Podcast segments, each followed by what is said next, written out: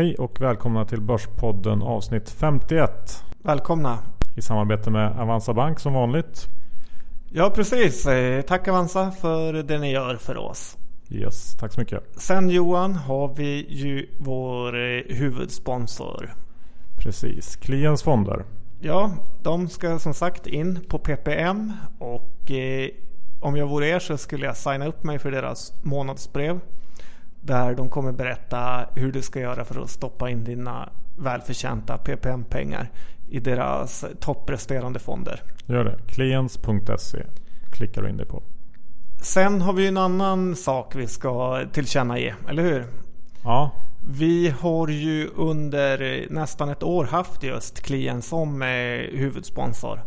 Men både vi och de kände väl att eh, efter nästa avsnitt, eh, årsavsnittet, så eh, upphör samarbetet då vi inte kan prata om samma sak längre. Precis, vilket öppnar upp för nya sponsorer. Ja, och det ska bli väldigt spännande och intressant att se om hur vi står oss på marknaden. Så vill någon något så är det här en liten öppen spot som är... For sale. Precis. Så mejla till börspodden gmail.com om ni är intresserade. Nog om det. Vad ska vi prata om idag John? Ja men det är så mycket som vi ska prata om. Vi har ju fantastiska grejer i pipen. Ja men det har vi faktiskt. Det känns eh, som ett intressant avsnitt.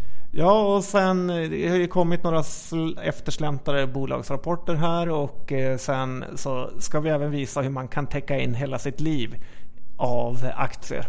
Ja, det har du tänkt till. Det blir kul. Nu kör vi. Det gör vi.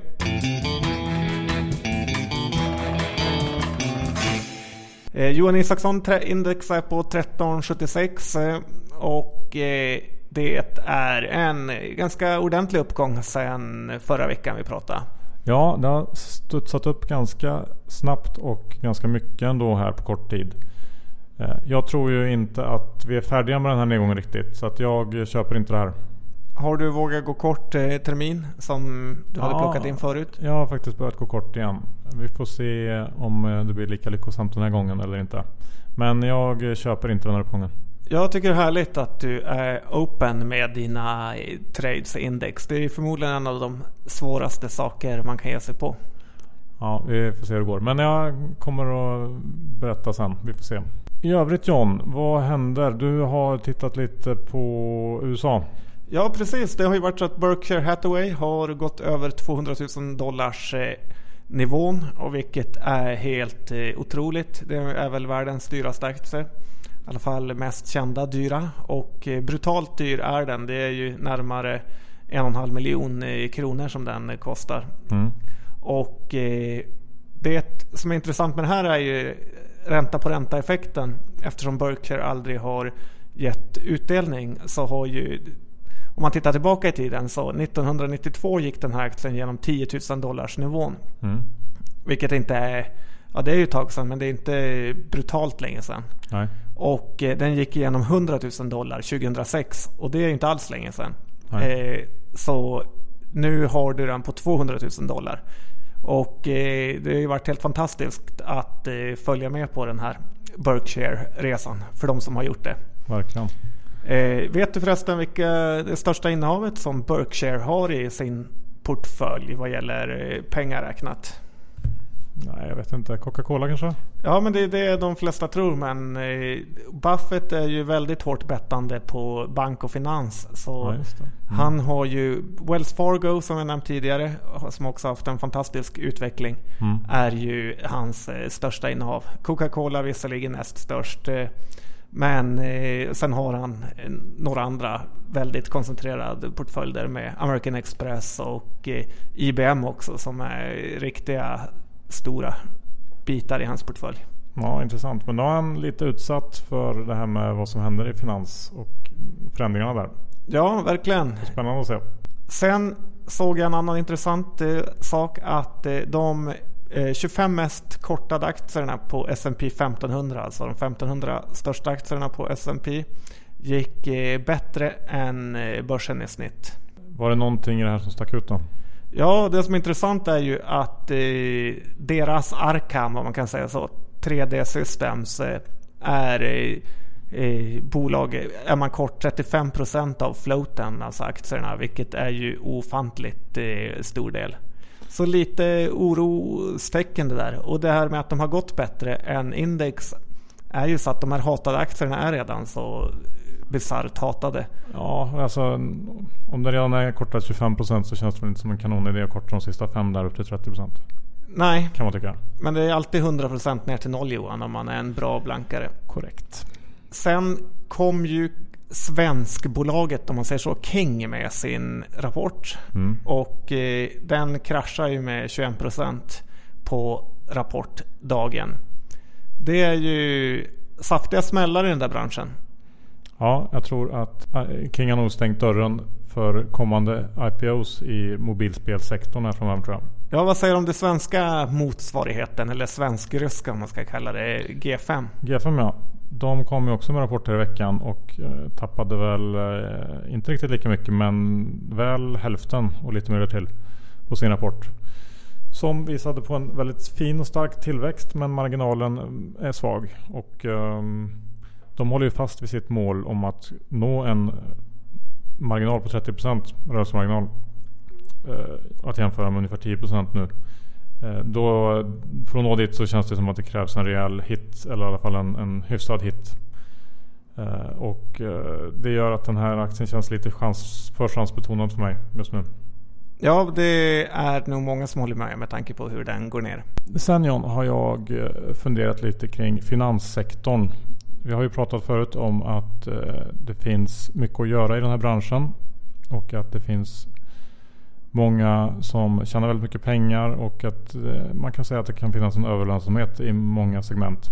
Och jag har funderat lite kring eh, fonddelen och kanske private banking och förmögenhetsförvaltningsdelen av finansbranschen. Ja, få höra. Som ju i många fall är väldigt lönsam för banker och ja, fondkommissionärer. Och då har jag tittat lite på den amerikanska ETF-jätten Vanguard. Som eh, har över 2 triljoner dollar i förvaltat kapital. Och de tar marknadsdelar för varje år som går. Och det tror jag eh, hänger lite ihop med det här. Och jag, jag, ser liksom två orsaker till varför de går så bra. Ja, få höra. Och dels är det kostnaden.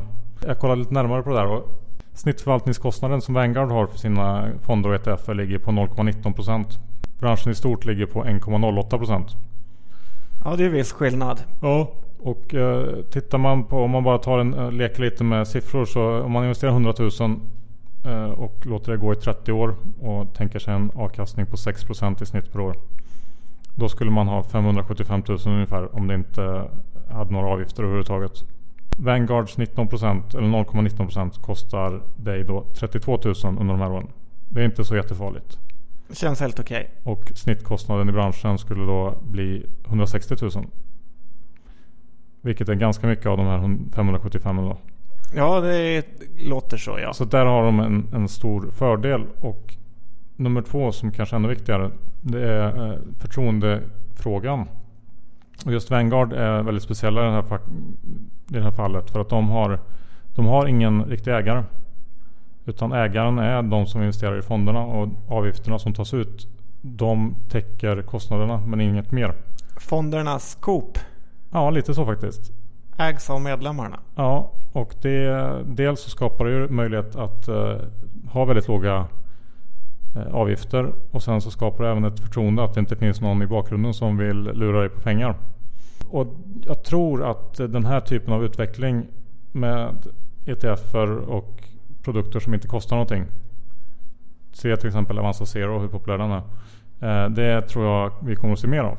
Ja, det tror jag också. Men det är många saker jag inte håller med. Jag läste till exempel att folk som investerar i ETFer har får över tiden mycket sämre avkastning än folk som sparar i fonder. Mm. Då det tenderas att övertradas eh, då många av de här är liksom börshandlade.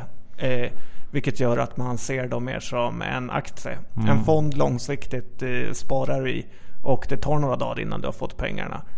Eh, vilket gör att man inte får eh, infall och slarva bort, göra dåliga affärer. Mm, det stämmer nog. Men det, det kan nog också bero på Och sen- att, att de som köper ETFer är nog lite mer börsvana än folk som köper fonder. Så att man eh, köper Så ju en- mer man kan desto mindre tjänar man. Nej men att då, då, då är man inne och, alltså en, en person som, kanske en vanlig person som köper en fond. De vet antagligen inte vad en ETF är eller att det ens finns någonting som eh, kallas så. Ja, det- är möjligt. Min Ja. andra eh, take på det där är ju att det, största problemet är inte de här procenten som en fond eh, kostar. Utan det största problemet är väl att folk eh, sparar för lite. Så jag tror att många skulle vara nöjda med att betala en eller två procent till något fondbolag som presterar fantastisk avkastning. Sen John har jag tittat på ett bolag som heter Wealthfront i USA. Som är ett ganska nystartat bolag som är världens största helt automatiserade tjänst för eh, förmögenhetsförvaltning. Ja, Som, som helt enkelt skapar en diversifierad portfölj med olika tillgångslag åt dig. Och eh, du slipper den här lilla extra kryddan som du kanske skulle få om du startade ett konto hos någon firma på stan och hade en mäklare som skötte åt dig. Och de har massor av smarta funktioner. Till exempel att de återinvesterar utdelningarna automatiskt. Och skatteoptimering och så vidare. Och det här kostar eh, 0,25% per år. Och då kan man jämföra med de lösningar som finns nu som kostar kanske 1,5-2% per år. Det är lite på samma tema men en annan eh, typ av tjänst. Ja men det låter väldigt intressant Johan. Jag, på en av mina resor här i vår så träffade jag en i toppskiktet på UBS och eh, jag frågade honom vilken deras eh, största konkurrent var. Ja, Eh, gissa vad han svarade? ja du. Ja, jag vet inte. Teknik.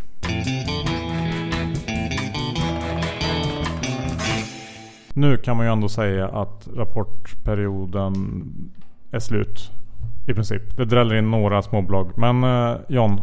Vilka bolag tycker du är köpvärda nu efter rapportperioden? Ja Johan, det har ju kommit en hel del rapporter och det är svårt att sålla ut men det jag tycker man ska titta efter är kanske de aktierna som inte har eh, gått upp på eh, sin rapport. En del bolag har ju kommit med en bra rapport men det har också fått ett ordentligt eh, kurslyft. Mm. Och det är där man kan hitta de här guldkornen enligt mig. Ja. Förra rapportperioden har jag för mig att jag spottade Vitec som en eh, fin rapport men som inte riktigt hade hängt med. Och jag tror jag kan bjuda lyssnarna på några, två stycken bolag här som jag tycker har gjort något liknande men inte fått betalt i aktiekursen. ja det låter spännande. Ja, eh, det första bolaget är Enea. Och det är ju ett eh, IT-teknikbolag inom telekomsektorn. Ericsson Nokia är deras största kunder och de har haft eh, en tuff period men har kommit tillbaka i rasande takt. Och eh, vi vet ju att börsen värderar ju pengar i framtiden oändligt mycket mer än pengar nu. Men nu tycker jag att man värderar pengarna nu lite för lågt. Okej, vad- hur värderas det då? Om man tittar lite närmare så har ju Nea ungefär 200 miljoner i nettokassa som det kallas. Alltså ingen skuld utan eh, cash Mm. som har blivit över. Vilket gör ju det otroligt eh, stabilt och öppnar upp för förvärv. Och eh, sen tjänar de ju i år kanske kring 4 kronor per aktie. Aktien står i 55-6, eh, den rör sig där i krokarna. Och det här tycker jag kan vara ett fynd att hoppa på. Men jag, jag har för mig att jag har hört att det finns någon typ av rädsla i marknaden för att de ska tappa intäkter i takt med att man uppgraderar näten till eh, snabbare hastigheter. Ja precis, det har jag också hört. Och eh, det, Enea har ju varit eh, fantastiskt eh, stora på det här området över en lång period. Och eh, jag eh, ser ju inte att den oron ska vara så stor. Det här är en av världsledarna som jobbar med eh, Ericsson och Nokia. Utan det, det är snarare ett bra läge att eh, komma in. Okej, det tackar vi för. Och nummer två? Ja Johan, jag säger så här Proact. Känner du till det, den gamla flamman? Jag känner till dem väldigt väl faktiskt. Alltså, Ja. berätta. Nej men jag följde dem när jag var analytiker. Det var på den tiden när bolaget var helt ointressant och ofta var det bara jag som var ute och träffade dem eh, i Kista eller vart nu satt då.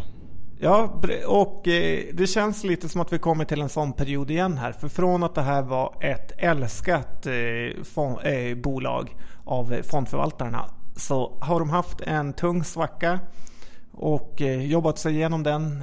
Eh, streamlinat som eh, managementkonsulterna säger och kommit tillbaka på fötter och aldrig tjänat så mycket pengar som de gör nu. Eh, däremot har aktiekursen inte alls sänkt med utan den har eh, gått eh, inte alls upp efter rapporten som var fantastisk. Och det som är intressant med det här är att när bolaget inte tjänar pengar så värderas de högt och nu när de tjänar pengar så har värderingen kommit ner ordentligt och här snackar vi P-tal kring 10-11 vilket är väldigt lågt för det här fina bolaget. Kan du berätta lite vad de gör du som har följt det? De håller på med datalagring och eh, hjälper bolag med, med eh, en heltäckande lösning för att eh, lagra sin data som växer för varje år som går. Ja precis och eh, data lär ju finnas kvar ett tag. Yes. Johan, jag vet att du har kollat in den glödheta Kinnevik-aktien där det kommer nyheter dagarna i ända. Det stämmer John. Jag har ju tittat lite på Kinnevik igen nu. Det börjar ju bli aktuellt igen här eftersom det ryktas om att Zalando är på väg in på börsen inom kort. En månad tror jag att eh, det stod i Wall Street Journal. Och ehm, det som jag tänkte börja med, det är lite flera delar här. Men eh, jag tänkte börja med vad som hände i fredags. För då gick Kinnevik väldigt, väldigt starkt. Eh, helt utan orsak. Eh, såg det ut som i alla fall. Men efter stängning så kom ju nyheten ut att United Internet hade förvärvat 10,7% av aktierna i Rocket Internet. Som ju är ett av bolagen i Kinneviks onoterade portfölj. Och det här förvärvet gjordes till en eh, värdering som var 4,3 miljarder euro. Vilket var då väldigt positivt för att i, den annan, i en annan transaktion som gjordes nyligen med det här filippinska bolaget PLDT eh, som gjordes bara för en månad sedan ungefär. Då värderade man det till 3,3 miljarder euro. Och för Kinneviks del så är det här en, en ökning med ungefär 700 miljoner i värde på, på deras aktier. Det är någon som har gjort en bra affär och någon en dålig. Ja, och dessutom inte så snyggt med den där läckan tycker jag. Men det var bara en liten parentes. Eh, jag tänkte att det kan vara läge att gå igenom eh, Kinneviks NAV som man säger. Net som asset, står för? Net Asset Value. Det är det man tittar på i, i investmentbolag. Och Kinneviks portfölj består ungefär kan man säga hälft till hälften av noterade bolag och det är inte så mycket att säga om. Det är Millicom, Tele2, MTG, Transcom eh, och några småpluttar. Black Earth Farming, CDON och Seamless. Eh, och där har vi 50% ungefär av värdet. Och sen så har vi då det här Rocket Internet som jag pratade om nyss. Och eh, ett gäng andra eh, mindre innehav i olika eh, e-handelsbolag kan man säga. Och Zalando då, som är det största innehavet i den onoterade portföljen. Och Zalando står för ungefär en tredjedel av den onoterade portföljen. Um, och nästan 20% av totala värdet av Kinnevik. Så det är ju en väldigt viktig del. Och det är därför fokuset är så stort på, på Zalando. Och jag tycker att nu när man eh, är på väg in till börsen med Zalando så kan man ju eh, ändå titta på värderingen på Zalando igen. Vi har gjort det förut i podden. Uh, något som är lite intressant att göra när man gör det också. Det är ju att, uh, att titta på Zalandos uh, kanske främsta peer. Som är ASOS i Storbritannien. Ja, det är mycket att snacka om den när det rör sig i aktien.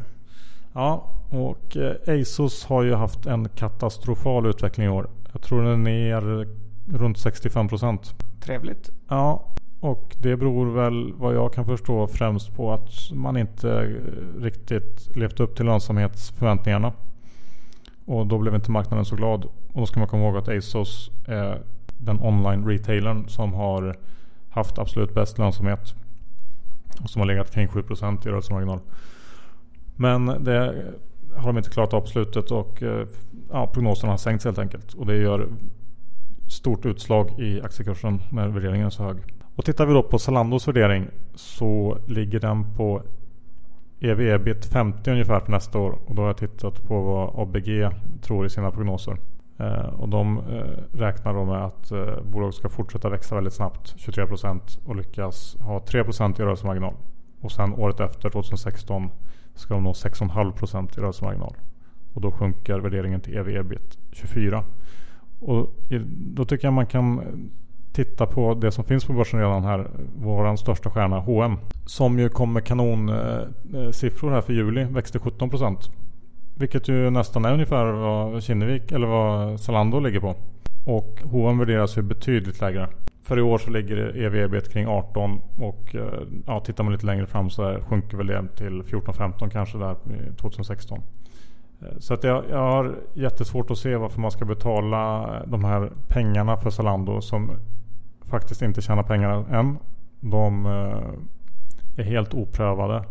Och eh, jag tror absolut inte att man kommer nå de här 6 procenten, 6,5% i rörelsemarginal.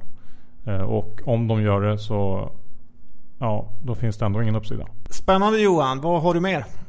Sen har jag tittat lite på Electrolux som ju är en snackis nu. När det ryktas om att de ska köpa GEs vitvarudel. Ja, Electrolux är lite av ditt eh, hatbolag. Ja, och marknaden älskar det här.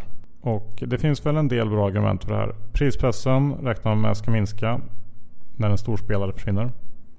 Eh, sen så ehm, kompletterar GE eh, Electrolux väldigt bra genom att GE är starka inom nybyggnadsmarknaden om man ska kalla det. Och eh, Electrolux är starka inom eh, det man kallar för replacement. Och det blir en fin match där. Prislappen man snackar om är runt 2-2,5 miljarder dollar. Och det är ungefär samma värdering som eh, Electrolux har nu. Och det, de analyser jag sett på det här de räknar med att eh, den värderingen sjunker med en multipel med, när man räknar in eh, synergierna. Det jag kanske är tveksam till är dels nummer ett skuldsättningen som skulle bli väldigt hög. Närmare 2,5 gånger ebitda. Och det är högt. Speciellt för ett bolag som har så skraltig lönsamhet som Electrolux haft eh, historiskt sett. Eh, och det, det kanske krävs en nyemission om man skulle göra det här tror jag. Det jag också skulle vara orolig för om jag ägde Electrolux. Det är det här med engångsposter. Jag tror att Electrolux är de är definitivt Sverigemästare i engångsposter. Kanske Europamästare. Jag vet inte. Och nu kan de bli världsmästare. Precis. Tittar man de senaste åren, vilket jag har gjort, så ser engångsposterna ut så här. 2009 1,5 miljard. 2010 1 miljard. 2011 var ett bra år för då var det bara 138 miljoner.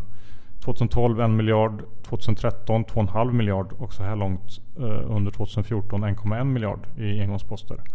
Eh, då kan man inte kalla det för engångsposter när man hela tiden måste lägga ner fabriker och man måste göra omstruktureringar. Eh, jag är väldigt tveksam till det här sättet att eh, bokföra det här. Blir det några pengar kvar till aktieägarna? Ja, men det ser ju alltid lite halvbilligt ut om man justerar det för nästa år när det inte ska komma några engångsposter. Men det gör ju alltid det. Och det kommer ju definitivt bli 5-6 år till som kommer att se likadana ut. För då kommer man, man, jag är helt övertygad om att man kommer behöva stänga massor av fabriker om man köper det här. Vilket kommer att kosta pengar i strukturkostnader och massa annat sånt. Ja men kul att höra någon som eh, har gått igenom det ordentligt. Mer än bara vara positiv till alla uppköp.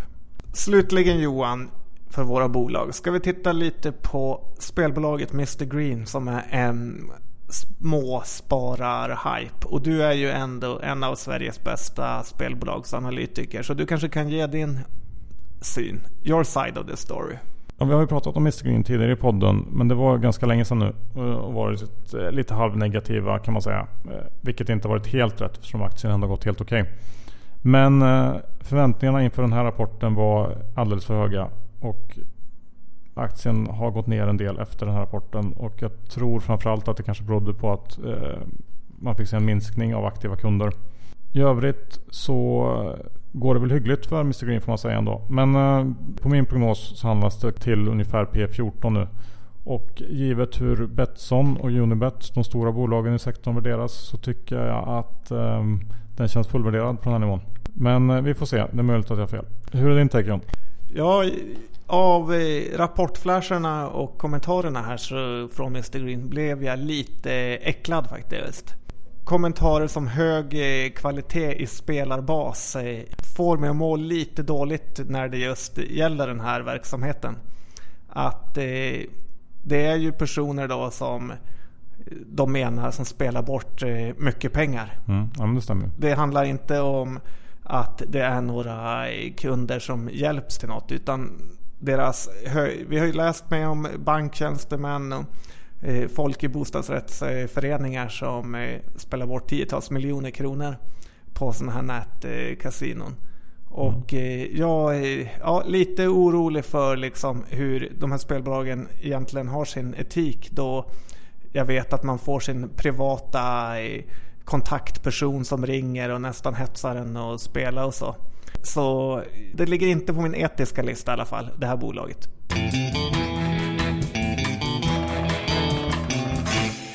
Och avslutningsvis John, så har du funderat lite på det här med utdelningar och hur man kan tänka. Och du har gjort det på ett väldigt intressant sätt tycker jag. Tack Johan. Det är ju så att när man börjar och ska bygga upp en utdelningsportfölj och eh, börjar tänka att man ska bli finansiellt oberoende eh, på kort tid så kan det lätt kännas fullständigt omöjligt och därför börjar man inte ens utan man kanske börjar i spekulativa aktier istället för att tjäna en snabb hacka.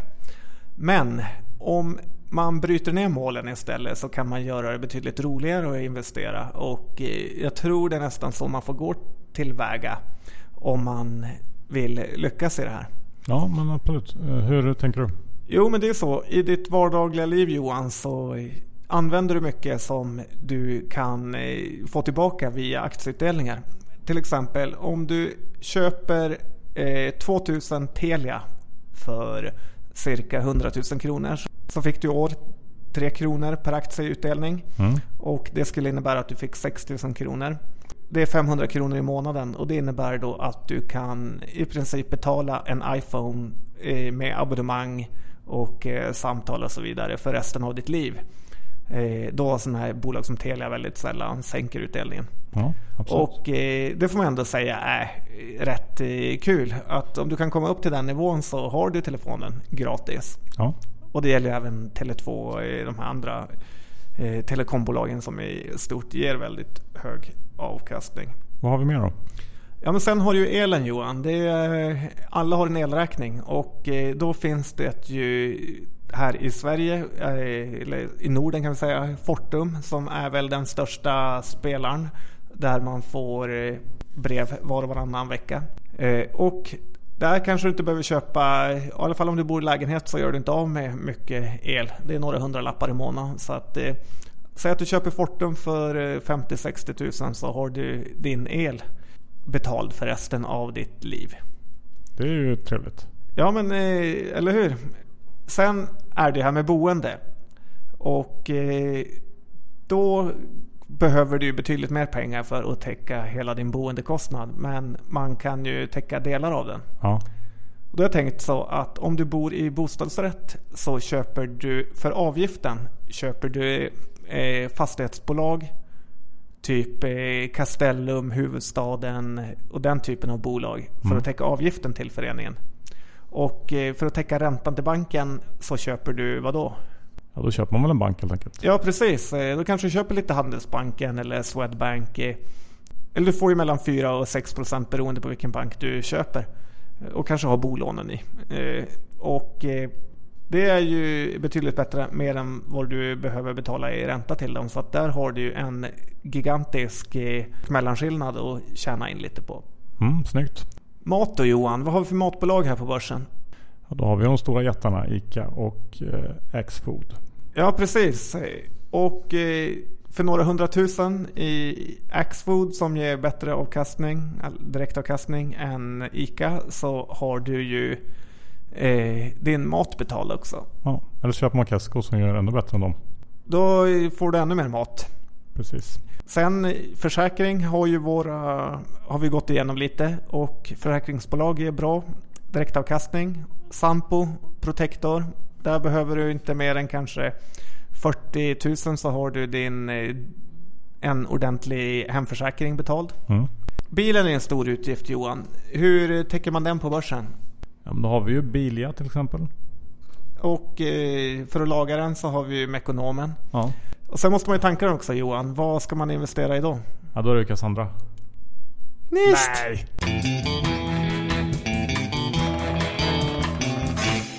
Sådär John, avsnitt 51.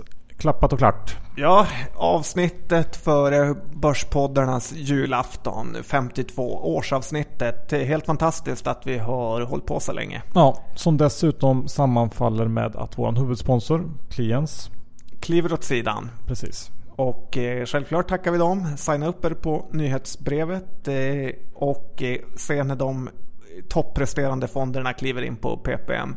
Det är fruktansvärt många som har signat upp sig och jag rekommenderar de sista som inte vill hamna efter att göra det också. Ja. Sen ska vi tacka Avanza också som vanligt, såklart. Tack Avanza. Sen Johan har vi ju faktiskt just köpt flygbiljetter till vår fantastiska Börspodden-resa som ska ta oss i princip jorden runt. Ja, men vi ska väl inte riktigt berätta än. Vi håller lite på vart vi ska och vem vi ska och vilka vi ska träffa. Men det är några Väldigt intressanta människor som vi kommer att prata med. i toppen, toppen av det svenska näringslivet. Korrekt. Så att, eh, ja. Nästa avsnitt får ni definitivt inte missa för då kommer vi att berätta vad vi ska göra. Yes, följ oss om ni har några frågor på Twitter. Vi måste ha förmodligen ett av eh, Sveriges största finans-Twitterkonton. Börspodden heter vi där. Ja, Och Facebook. självklart. Det var väl inte så mycket mer vi skulle säga idag utan eh, tack för att ni lyssnade. Tack, hej då!